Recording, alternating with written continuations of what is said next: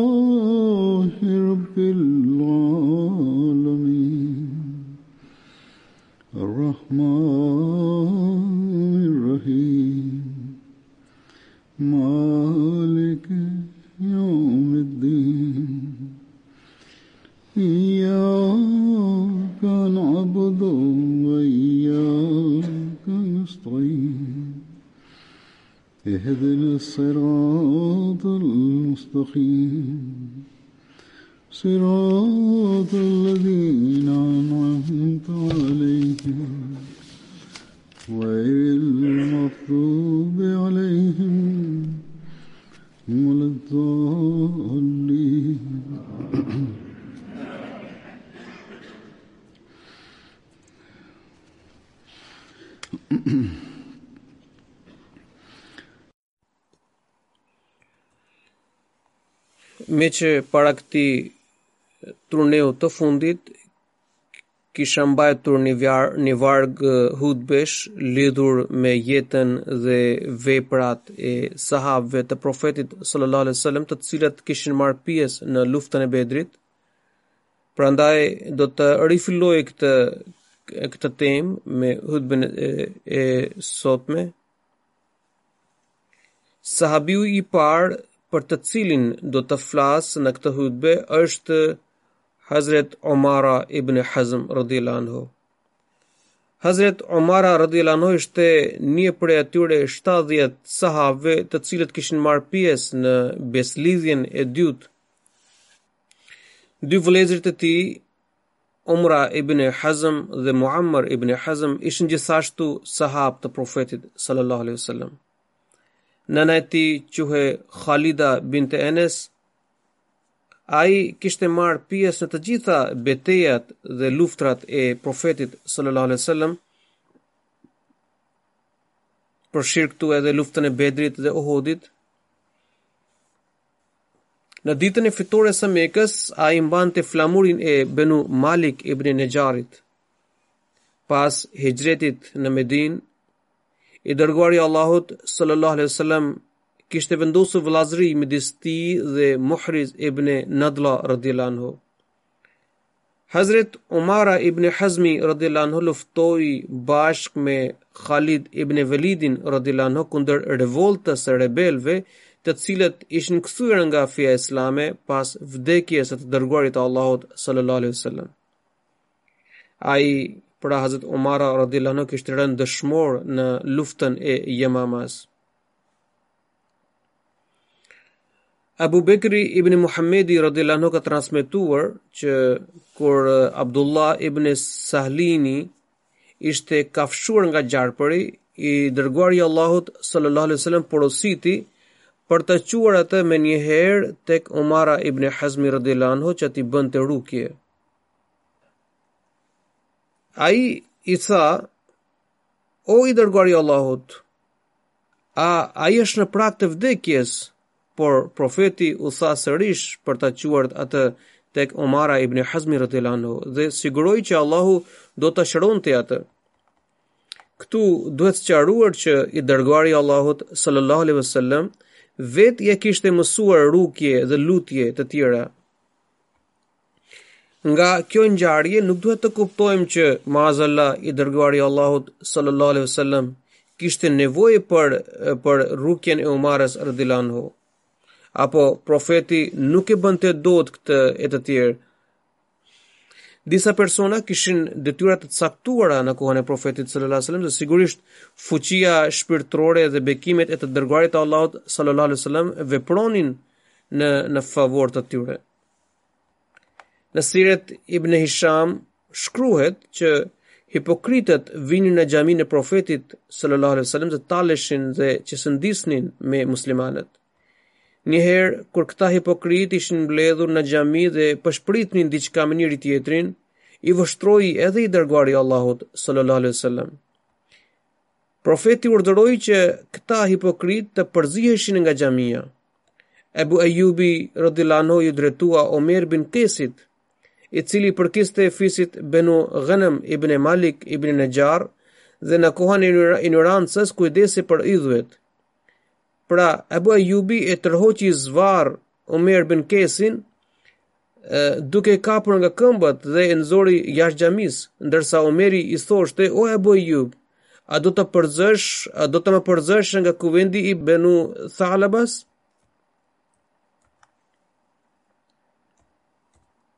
Pastaj Abu Ejubi iu drejtua Rafi ibn Bedias, i cili gjithashtu i përkiste fisit Benu Nexhar. Abu Ejubi radhiyallahu anhu e mbështolli me çarçaf dhe e përzuri nga xhamia duke e tërhequr zvarr. Ai e qëlloi me dorë dhe i dha një shuplakë të fortë duke i thënë: "O munafik i poshtër, qofsh i mallkuar, largohu nga xhamia e profetit." Hazret Umara ibn Hazmi radhiyallahu anhu iu afrua Zed ibn Amrut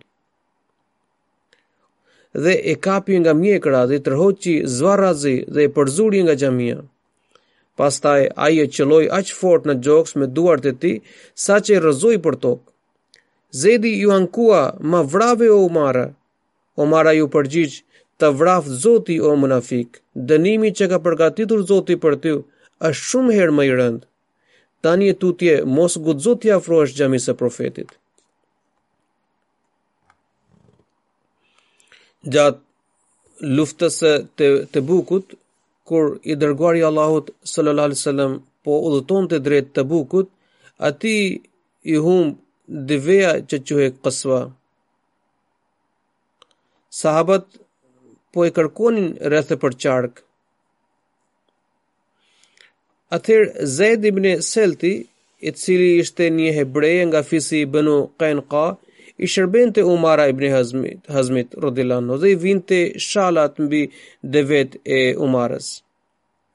Fillimisht ai kishte pranuar Islamin, por më vonë sillej me hipokrizi, pra ishte bërë hipokrit. Ai ishte shprehur gjoja me thjeshtësi se përderisa Muhamedi ka deklaruar se ai është i dërguari i Allahut dhe u tregon të tjerëve ngjarjet e së padukshmes, përse nuk ditka vendndodhjen e devesë së tij? Kur Zejdi kishte thënë këto fjalë, Umara ibn Hazmi radhiyallahu anhu ndodhej në praninë në shoqërinë e të dërguarit të Allahut sallallahu alaihi wasallam. Profeti gjithashtu mësoi atë që kishte thënë Zejdi. Dhe ndoshta Zoti e kishte njoftuar atë.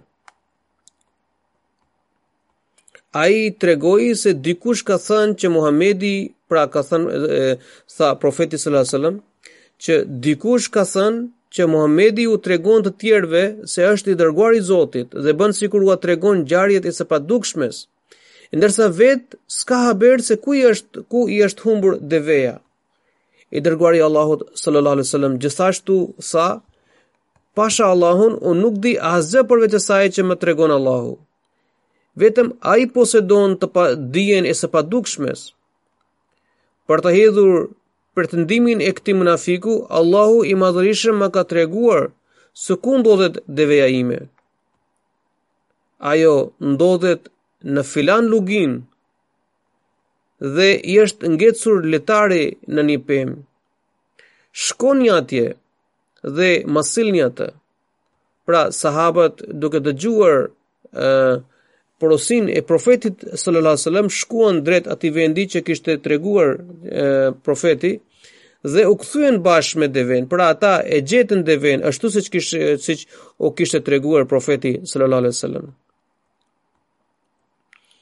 Bejhekiu dhe Abu Naimi kanë shënuar që Umara ibn Hazmi radhiyallahu anhu shkoi te shërbëtori i tij, pra te te Zejd ibn Selti dhe i tha, "Pasha Allahun, sot ka ndodhur diçka e çuditshme." Sapo i dërguari i Allahut sallallahu alaihi wasallam nëpërmjet shpalljes hyjnore është njoftuar për fjalët e një njeriu, të cilat ai na tregoi edhe neve. Pra bëhet fjalë për Zeid bin Zeid bin Seltin, i cili i shërbente Umara ibn Hazmit radhiyallahu anhu dhe ai tha dikush nga shërbëtorët e Umarës i tha betohem në Allah që Zejdi kishte thënë pikërisht këto fjalë para se të vinit ju. Omara ibn Hazmi radhiyallahu anhu e zuri Zejdin nga qafa dhe iu drejtua shokëve të tij, o robërit e Allahut. Kam pasur një gjarpër pranë meje dhe isha plotësisht i shkujdesur prej tij. Pastaj Omara iu drejtua Zejdit dhe i tha, tani e tutje nuk kam asnjë lidhje me ty.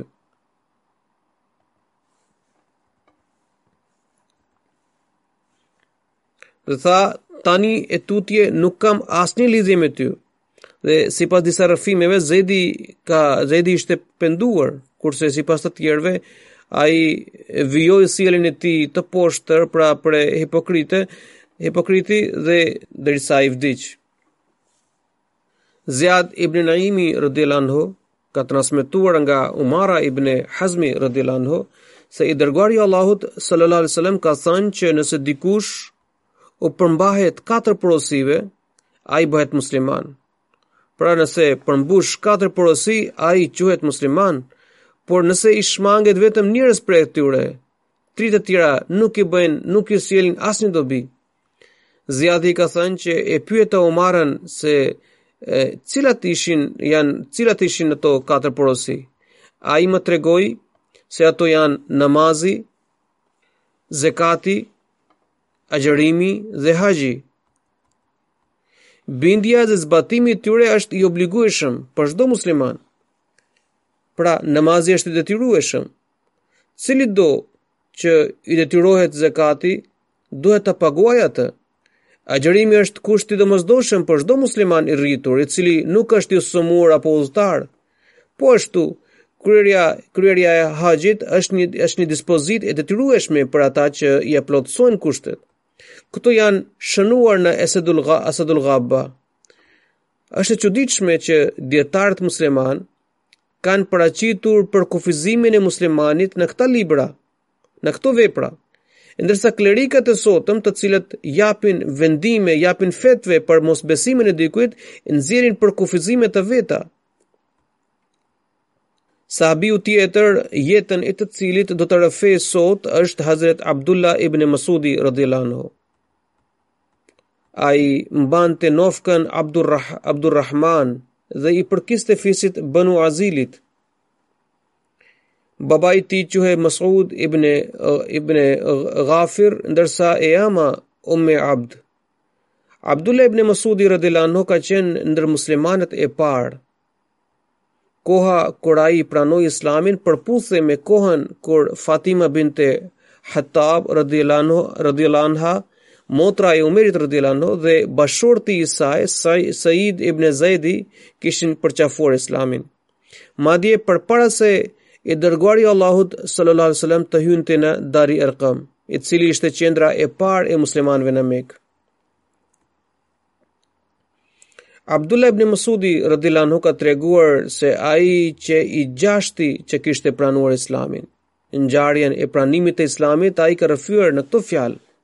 Ai thotë: Atëherë kisha fituar pak pjekuri, domethënë e, kisha mbushur moshën e pjekurisë dhe mund të kuptoja gjërat. Një ditë po ruaja dhe kullosja bagëtinë e Uqba ibn Muitit, kur i dërguari i Allahut sallallahu alaihi wasallam dhe Abu Bekri radhiyallahu anhu erdhën tek unë. I dërguari i Allahut sallallahu alaihi wasallam m'u drejtua mua dhe pyeti: "O djalosh, a ke pak qumësht?" Unë i thashë, po, por më vjen keq, unë nuk mund të jap asgjë sepse jam përgjegjës për këto bagëti. Ai më tha, atëherë më sill ndonjë dhi shterpe që nuk jep qumësht. Unë i solla një dhi të vogël. I dërguari i Allahut sallallahu alaihi wasallam ia lidhi këmbët dhe dalëngadalë duke bërë dua lëvizi duart mbi gjinjtë e saj, derisa ato u mbushën me qumësht. Pastaj Ebu Bekri i solli një enë dhe profeti e, e moli dhinë, kur e mbushi enën, ai ia dha Ebu Bekrit për ta pirë atë. Kur u ngop Ebu Bekri radhiyallahu anhu e piu edhe profeti sallallahu alaihi wasallam. Pastaj ai sërish lëvizi duart mbi gjinjtë e saj dhe, dhe tha, "Tkurruni." E ato u tkurrën. Pra gjinjtë u tkurrën si siç ishin në gjendjen e mëparshme. Unë i thashë, o i dërguari i Allahut, më mësoni pak nga ajo që keni recituar. Ai më fërkoi kokën dhe tha, "Je djalosh i regjur, pra je djalosh i përgatitur."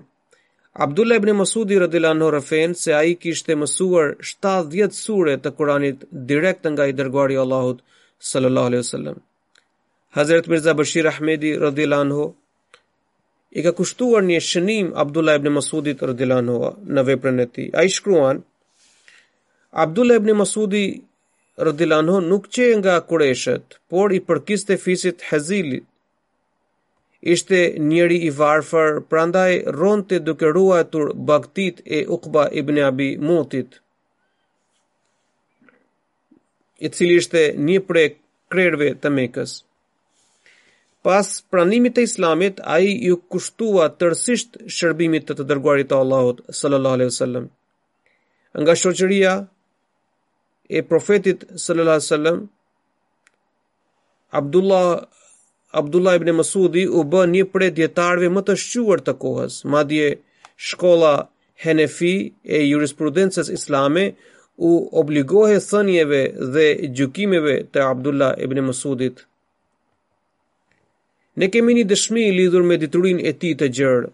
Ibn Masudi radhiyallahu anhu ka thënë që njerëzit janë në dijeni se jam njohës i mirë i librit të Allahut. Nuk ka asnjë sure apo të ajet në Kur'an që të mos ia di kontekstin dhe kohën e zbritjes. Këtë dëshmi e ka rrëfyer Abu Abu Vaili, i cili gjithashtu ka thënë që askush nuk e kundërshtoi këtë deklaratë. Emri i Abdullah ibn Masudit radhiyallahu anhu gjendet në kryet e atyre katër sahabëve, të cilët i dërguari i Allahut sallallahu alaihi wasallam i kishte zgjedhur për të dhënë mësimin e Kuranit famëlartë. Hazrat Kalifi i dytë radhiyallahu anhu ka shënuar në veprën e tij hyrje në komentin e Kuranit lidhur me këtë. Ai shkruan: I dërguari i Allahut sallallahu alaihi wasallam caktoi një grup mësuesish për të dhënë mësimin e Kuranit famëlartë. Ata kishin mësuar Kuranin përmendësh dhe ua mësonin të tjerëve. Këta ishin katër mësues më të shquar të cilët kishin mësuar Kuranin vetë nga i dërguari i Allahut sallallahu alaihi wasallam dhe tani duhet t'u mësonin të tjerëve. Nën kujdesin e tyre ishin edhe sahabë të tjerë, të cilët gjithashtu ua mësonin Kur'anin të tjerëve, por emrat e këtyre katër sahabëve të zgjedhur janë kështu: Hazrat Abdullah ibn Mas'udi radhiyallahu anhu, Hazrat Salim Maula Abu Huzaifa radhiyallahu anhu, Hazrat Muaz ibn Jabal radhiyallahu anhu, Hazrat Abi ibn Ka'ab radhiyallahu anhu. Ndër këta sahab, dy të parët janë muhajgjir, ndërsa dy të fundit janë ensar. Përsa i përket pozitës shoqërore, Abdullah ibn Masudi radhiyallahu anhu qe një punëtor i thjeshtë, Selimi ishte një rob i liruar. Pra ka qenë një skllav e të cilin e kishte liruar uh, Abu Huzaifa radhiyallahu anhu. Muadh ibn Jebeli dhe Abi ibn Kabi radhiyallahu anhum ishin ndër pasanikët e Medinës. Pra, i dërguari i Allahut sallallahu alaihi wasallam kishte caktuar mësues nga çdo grup shoqëror. Dhe sipas një hadithi, i dërguar i Allahut sallallahu alaihi wasallam kishte thënë që mësoni Kur'anin nga këta katër persona: Abdullah ibn Mas'ud, Salim Maula Abu Hudhaifa, Muadh ibn Jebel dhe Abi ibn Ka'b. Këta katër kishin mësuar tërë Kur'anin drejtpërdrejt nga i dërguari i Allahut sallallahu alaihi wasallam dhe kishin përmirësuar lëshimet dhe gabimet e tyre duke ia recituar përmendesh. Megjithatë, përpos tyre ishin edhe sahabë të tjerë, të cilët vazhdimisht mësonin disa pjesë të Kur'anit nga pejgamberi sallallahu alaihi wasallam. Sipas një transmetimi, njëherë Abdullah ibn Masudi radhiyallahu anhu dhe Omer ibn Hattabi radhiyallahu anhu shqiptuan të njëjtën fjalë në dy mënyra të ndryshme. Hazrat Omeri radhiyallahu anhu e ndaloi Ibn Masudin dhe i kërkoi të korrigjonte shqiptimin. Por Ibn Masudi radhiyallahu anhu këmbënguli se ashtu e kishte mësuar atë fjalë nga profeti. Atëherë Omer ibn Hattabi radhiyallahu anhu e shoqëroi atë te i dërguari i Allahut sallallahu alaihi wasallam dhe iu ankua që Ibn Masudi po bënte gabim në në recitimin e Kuranit. Profeti sallallahu alaihi wasallam urdhëroi Abdullah ibn Masudin për të recituar. Kur dëgjoi recitimin e tij, profeti sallallahu alaihi wasallam tha që ai kishte lexuar tamam pa asnjë gabim, pra nuk kishte bërë asnjë gabim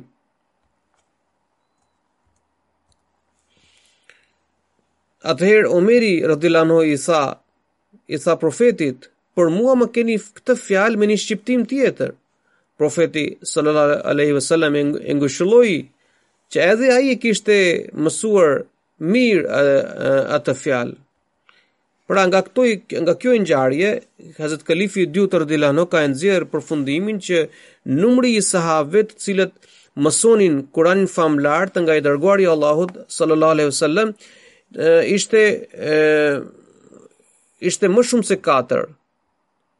Pra numri i këtyre sahabëve ishte ishte më shumë se 4. Sipas një transmetimi, i pari që recitoi Kur'anin famëlartë publikisht në qytetin e Mekës pas të dërguarit të Allahut sallallahu alaihi wasallam ishte Abdullah ibn Masudi radhiyallahu anhu. Sipas burimeve, një herë disa sahabë po bisedonin me njëri-tjetrin se kurejshët ende nuk i kishin dëgjuar fjalët e Kur'anit me zë të lartë. A mund të guxonte dikush nga sahabët për të recituar Kur'anin para tyre? Abdullah ibn Masudi radhiyallahu anhu pranoi këtë sfidë. Shokët i thanë që mohuesit do të do të rrihnin atë.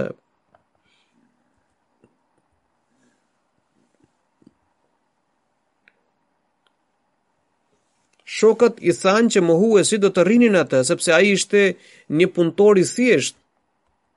Më mirë të ishte dikush me pozicion të lartë në shoqëri dhe lidhje fisnore që të kishte mbrojtje, të kishte mbështetje nga populli, në rast se do të qëllohej nga mosbesimtarët.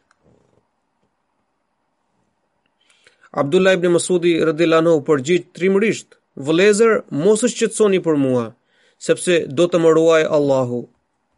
Kështu, këta sahabë kishin një besim të fuqishëm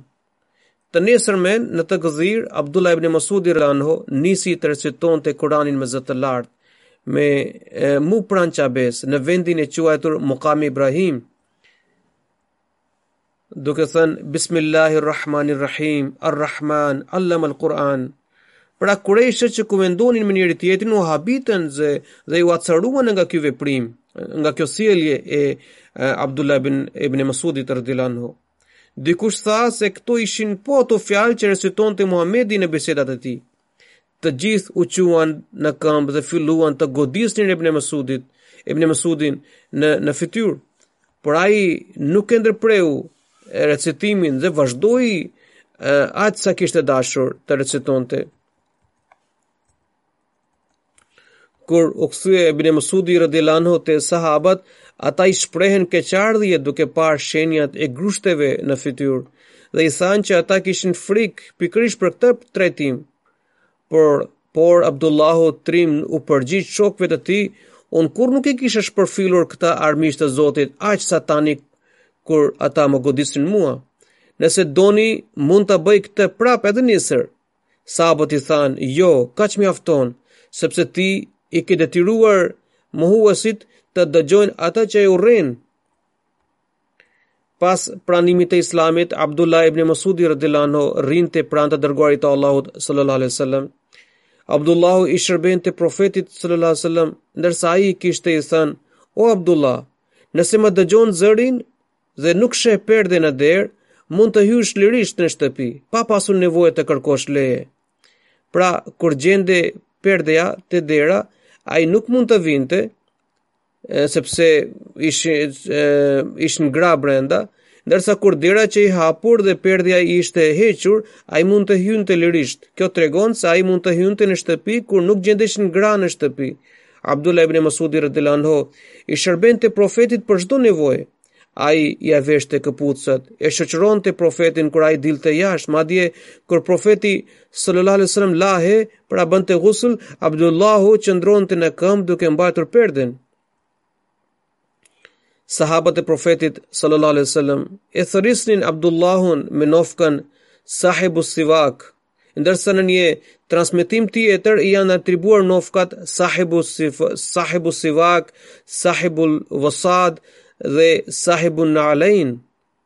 Abdullahu, Abdullah ibn Masudi radhiyallahu anhu ishte një shoqërues i besueshëm i profetit sallallahu alaihi wasallam, i cili kujdesej për shtratin, misvakun dhe shapkat e profetit sallallahu alaihi wasallam. Prandaj i ishin e, atribuar këto nofka. Po ashtu ai siguronte ujë për abdes. Abu Melihu radhiyallahu anhu ka transmetuar që kur i dërguari i Allahut sallallahu alaihi wasallam bënte ghusl, Abdullahu radhiyallahu anhu siguronte perde dhe e, e zgjonte nga gjumi dhe kur e shoqëronte të dërguarin e Allahut sallallahu alaihi wasallam nëpër udhëtime, mbante armë për për për ta mbrojtur atë. Ebu Musa al-Ashari radhiyallahu anhu ka transmetuar se ata kishin ardhur nga Jemeni dhe duke parë hyrje dalje të shpeshta të Abdullah ibn Masudit radhiyallahu anhu dhe të nënës së tij në shtëpinë e të dërguarit të Allahut sallallahu alaihi wasallam kujtonin që Abdullahu dhe nëna e tij ishin nga familja e profetit. Abdullah ibn Masudi radhiyallahu anhu mori pjesë në të dyja hixhretet.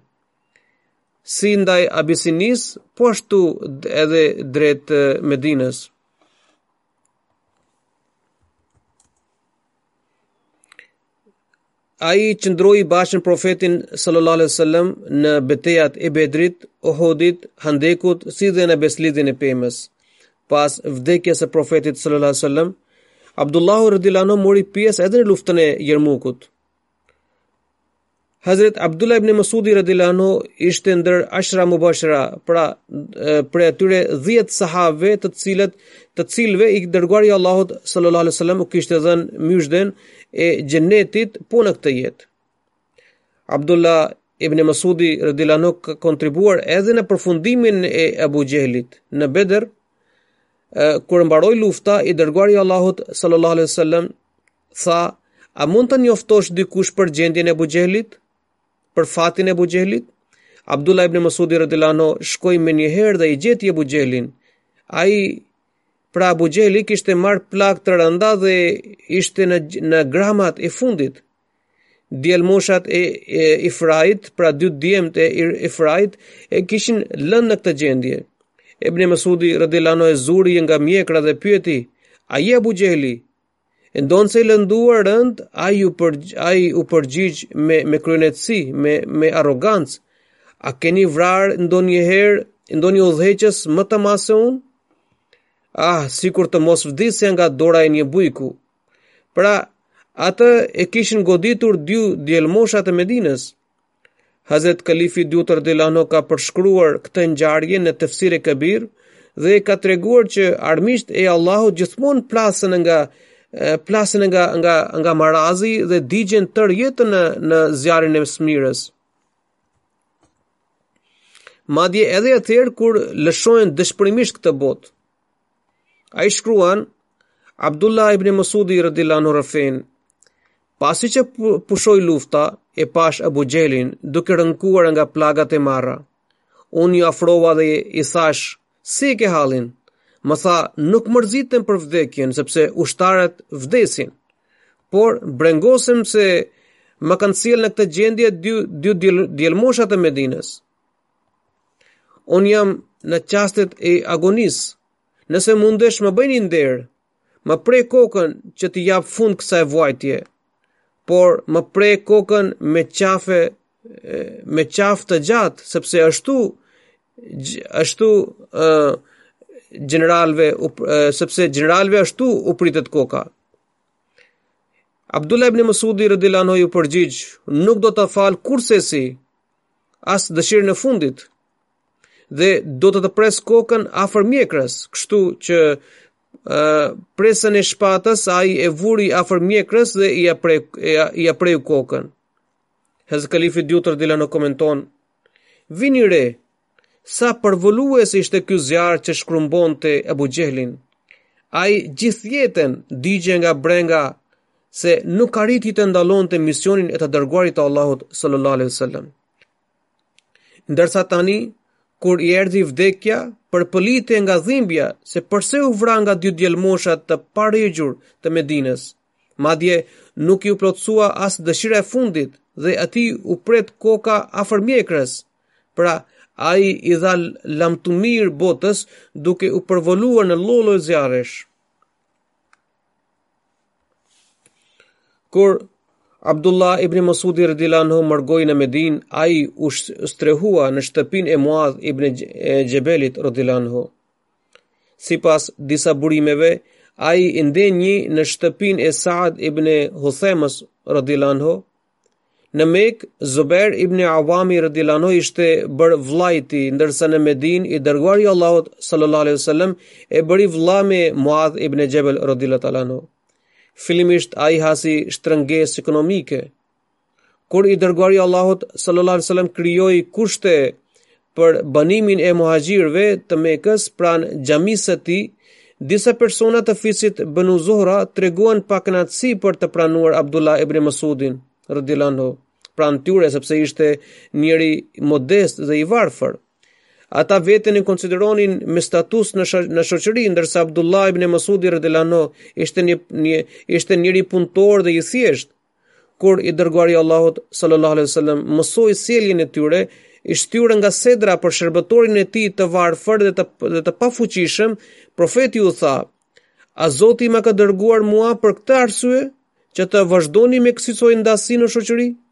Zoti kurrë nuk e bekon atë popull që ia mohon të drejtën të pafuqishmit."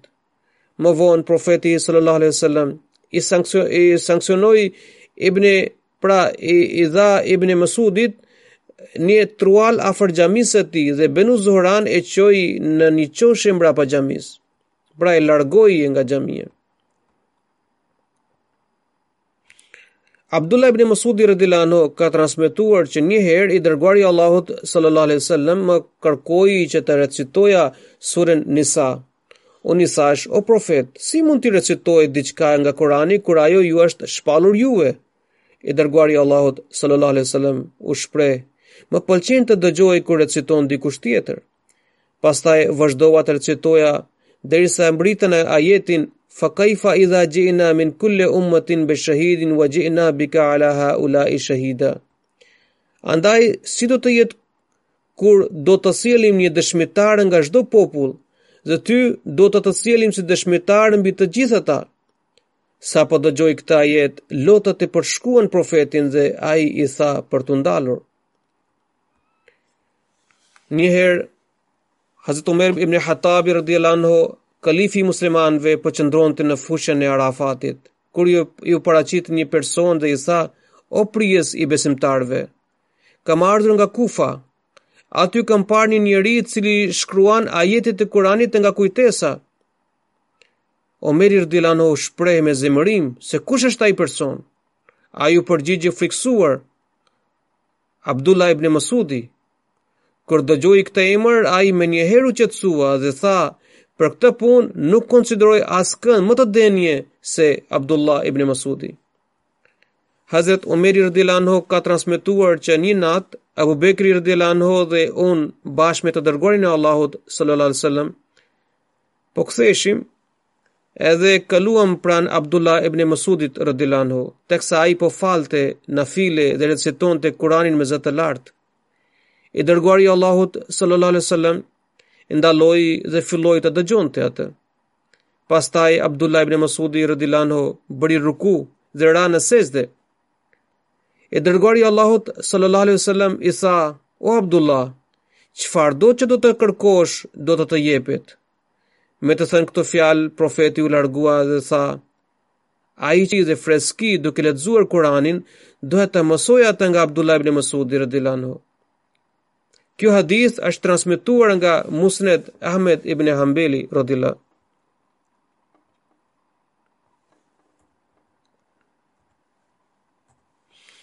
Abdurrahman ibn Yazidi radhiyallahu anhu ka transmetuar që një herë shkuan që një herë shkuam te Hudhaifa radhiyallahu anhu dhe e pyetëm na tregoni emrin e atij personi i cili i shëmbëllen më së shumti të dërguarit të Allahut sallallahu alaihi wasallam në sjellje që të mësojmë prej tij dhe t'ia dëgjojmë fjalët profetike. Hazrat Huzaifa radhiyallahu anhu u përgjigj: Njeriu më i ngjashëm me profetin sallallahu alaihi wasallam është Abdullah ibn Masudi. Imam Buhariu ka sjellë një hadith në veprën e tij, i cili gjithashtu hedh dritë mbi modelin e shkëlqyer të Abdullah ibn Masudit radhiyallahu anhu. të shtyra nga dëshira e madhe për të ndjekur gjurmët e profetit sallallahu alaihi wasallam dhe për t'iu përmbajtur praktikës së tij, njerëzit gjithmonë i pyesnin sahabët se kush ngjasonte më së shumti me të dërguarin e Allahut sallallahu alaihi wasallam në sjellje, morale, veti dhe vepra, e ndër të gjithë shokët e tij. Kur kjo pyetje i shtrohej Hudhaifës radhiyallahu anhu, ai thoshte sipas dijes sime Në sjellje, lëvizje, morale dhe zakone Abdullah ibn Masudi ka më shumë ngjashmëri me të dërguarin e Allahut sallallahu alaihi wasallam. Ndoshta për këtë arsye i dërguari i Allahut sallallahu alaihi wasallam kishte thënë që unë i pëlqej po ato gjëra për umetin tim që i pëlqen Abdullah ibn Masudit. Alqama radhiyallahu anhu ka transmetuar që kur sahabët kishin nevojë të përshkruanin hi, hijeshin, moralin dhe maturinë e të dërguarit të Allahut sallallahu alaihi wasallam, ata jepnin gjithmonë shembullin e Abdullah ibn Mas'udit. I biri i tij, Ubaydullah radhiyallahu anhu ka thënë që Abdullah ibn Mas'udi radhiyallahu anhu zgjohej për tahajjudin kur njerëzit ishin ende në gjumë. Një natë e dëgjova teksa po këndonte Kur'anin dhe zëri i tij ngjante gumzhimës së bletave. Aliu radhiyallahu anhu ka transmetuar që i dërguari i Allahut sallallahu alaihi wasallam ka thënë që nëse duhet të caktoja dikë si kryetar pa kërkuar këshillë prej askujt, ai do të ishte Abdullah ibn Masudi.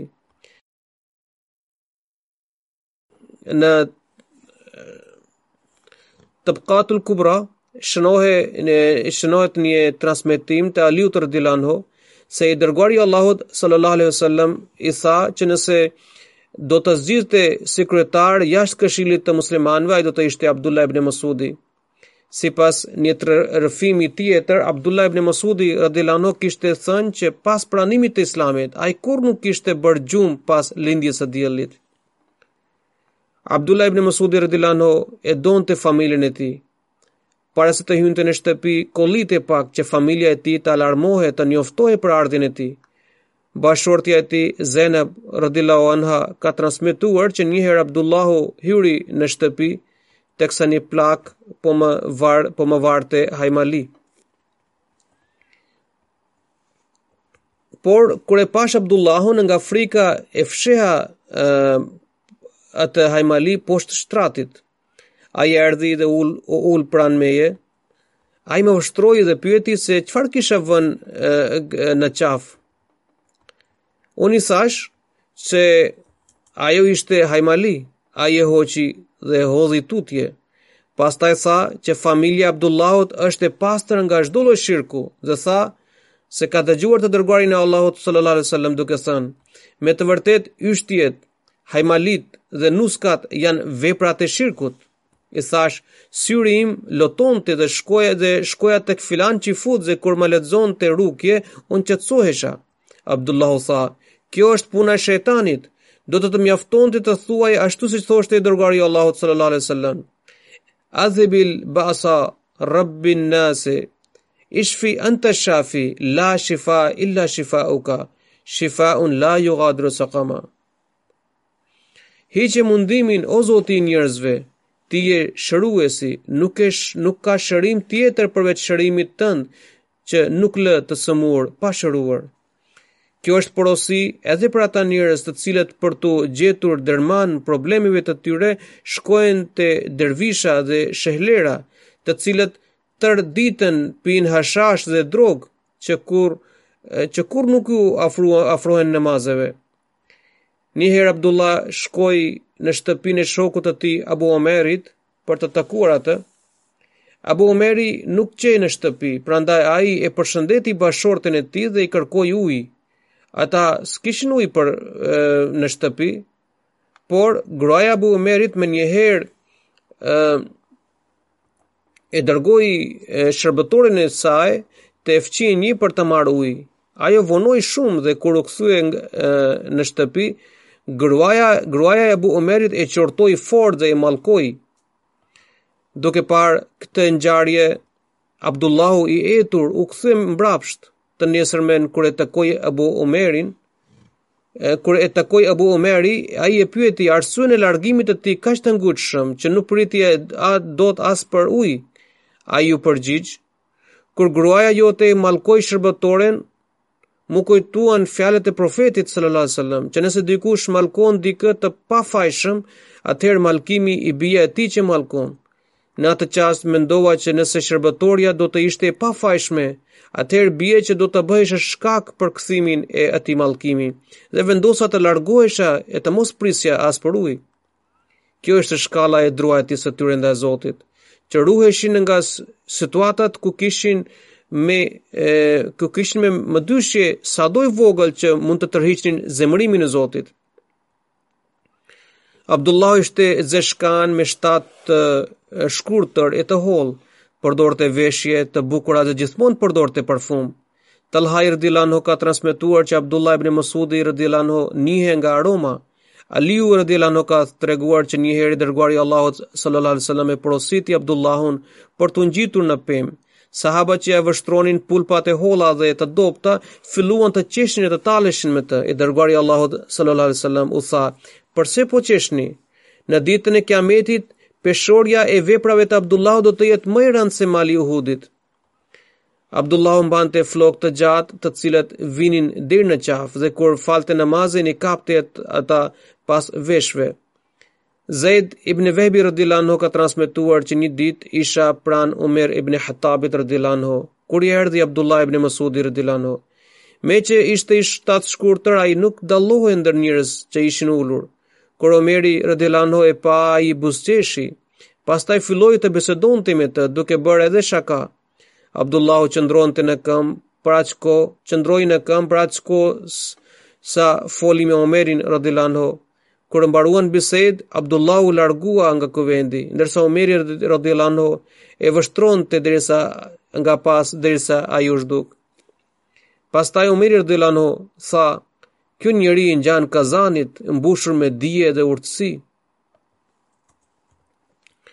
Pozita e tij e lartë mund të kuptohet vetë nga nga një rrëfim kur Muaz ibn Xhebelit radhiyallahu anhu i erdhi çasti i vdekjes. Njerëzit i kërku i kërkuan ndonjë porosi apo këshillë. Ai u tha që besimi dhe dija kanë një shkallë të lartë dhe çdokush që i synon ato me çiltërsi dhe përpjekje të sinqerta, me siguri ia del ia del kësaj pune. Ai gjithashtu përmendi emrat e katër sahabëve të shquar, të cilët ishin dietar me vepra dhe një prej tyre ishte Abdullah ibn Mas'udi radhiyallahu anhu. Pas vdekjes së të dërguarit të Allahut sallallahu alaihi wasallam, Omeri radhiyallahu anhu e caktoi si murabbi për arsimin dhe edukimin e banorëve të Kufës. Ndërsa Amar ibn Jasirin Radhiyallahu anhu e caktoi guvernator. Ai u shkroi banorëve të Kufës, këta dy janë sahabë të zgjedhur të të dërguarit të Allahut sallallahu alaihi wasallam. Janë njerëz të veçantë, të cilët kishin marrë pjesë në luftën e Bedrit. Duhet t'u bindeni të gjitha porosive të tyre dhe kushtojuni vëmendje fjalëve të tyre. Unë e konsideroj Abdullah ibn Masudin më të mirë se unë. Kur Abdullah ibn Masudi ishte në sëmundje, në të cilën ai edhe ndërroi jetë, e vizitoi Osmani radhiyallahu anhu. Ai e pyeti, "A ke a, a keni ndonjë hall?" Abdullahu iu përgjigj, "Nëse më pyesni për shqetësimin, më bren ndërgjegja për mëkatet e mia." Osmani radhiyallahu anhu e pyeti, "A keni nevojë për diçka?" Ai i tha, "Unë kërkoj vetëm mëshirën e Zotit tim." Hazret Osmani radhiyallahu anhu e pyeti, A t'ju caktoj ndonjë mjek që të kujdeset për ju? Hazret Abdullahu iu përgjigj, mjeku më ka sjellë në këtë gjendje. Domethënë, ai u shpreh që pajtohej plotësisht me vullnetin e Zotit. Hazret Osmani radhiyallahu anhu e pyeti, a t'ju caktoj ndonjë ndihmë nga shteti? Ai u përgjigj, jo, faleminderit, nuk kam nevojë. Hazret Osmani radhiyallahu anhu këmbënguli dhe i tha, ajo do t'u shërbejë vajzave të tua. Ai ia ktheu, a keni merak që vajzat e mia do të mbeten të papërkrahura?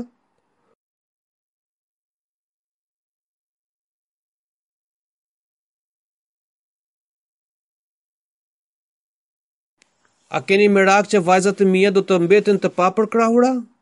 Unë u kam lënë amanet vajzave të mia për të recituar çdo natë suren Al-Waqi'a.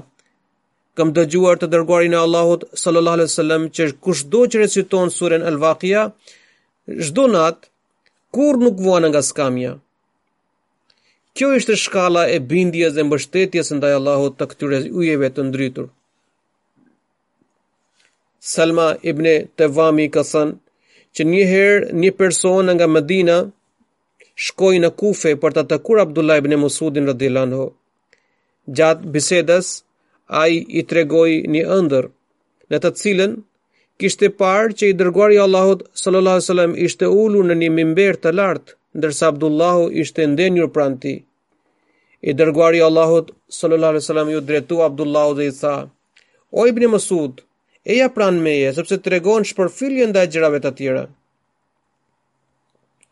Abdullah e pyeti atë njeri, a me të vërtetë ke parë këtë ëndërr? Ai u përgjigj me pohim. Pastaj e pyeti, a ke ardhur nga Medina deri këtu, vetëm për të marrë pjesë në xhenazen time? Domethënë, ai kuptoi që i kishte ardhur koha e largimit nga kjo botë, dhe me të vërtetë nuk jetoi gjatë pas kësaj ngjarje. Hazret Osmani radhiyallahu anhu kishte mësuar për sëmundjen e tij, prandaj ai e porositi për t'u kthyer në Medinë e ndonëse banorët e Kufës këmbëngulnin për qëndrimin e tij dhe i premtonin se do ta ruanin atë, Por ai veproi sipas porosisë së kalifit. Ai u tha banorëve të Kufës se duhet t'i bindej urdhrit të kalifit. Së shpejti do të shfaqen disa ngjarje të rënda dhe unë nuk dua të bëhem shkaktar i tyre. Duke thënë këto fjalë, ai u, u kthye te kalifi në Medinë. Ai ndërroi jetë në vitin 32 të hixhretit. Sipas një rrëfimi, ai ndërroi jetë në moshën 70 vjeçare, ndërsa sipas një transmetimi tjetër, ai ishte rreth 70 vjeç kur u largua nga kjo botë. Hazret Osmani radhiyallahu anhu kishte udhëhequr xhenazen e tij dhe ai u varros në Xhenetul Baki. Sipas një transmetimi, pas vdekjes së Abdullah ibn Mas'udit radhiyallahu anhu, Abu Musa al-Ashari radhiyallahu anhu e pyeti Abu Mas'udin: A besoni që Abdullahu ka lënë dikë në këtë botë që është i barabartë me të në vlerat dhe veprat? Abu Mas'udi iu përgjigj: Shiko, kur nuk na lejohej të shkonim te i dërguari i Allahut sallallahu alaihi wasallam, Ibn Mas'udit i lejohej. kur ne nuk ishim pranë të dërguarit të Allahut sallallahu alaihi wasallam, Ibn Masudi i shërbente profetit dhe përfitonte nga shoqëria e tij. Prandaj si është e mundur që dikush t'i ngjajë atij? Abdullah ibn Masudi radhiyallahu anhu i përmbahej rreptësisht sunetit profetik. Një herë dikush e pyeti Aishën radhiyallahu anha se janë dy sahabë të profetit sallallahu alaihi wasallam. Njëri prej tyre i nxiton në çeljen e agjërimit dhe në faljen e namazit, domethënë menjëherë pas perëndimit të diellit. Ndërsa sahabiu tjetër vonon relativisht. Hazret Aisha radhiyallahu anha pyeti, "Cili sahab nxiton?" Ai ju, ju përgjigj që Abdullah ibn Masudi radhiyallahu anhu është ai i cili nxiton.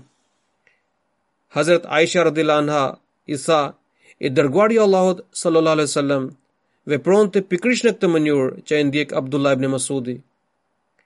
Ka edhe disa transmetime dhe ngjarje të tjera nga jeta e Abdullah ibn Masudit radhiyallahu anhu, të cilat do t'ju përmend në të ardhmen. Allahu na mundësoftë të ecim në gjurmat e këtyre yjeve të ndritur të islamit dhe na mundësoftë të ndjekim modelin e tyre dhe shembullin e tyre. Amin.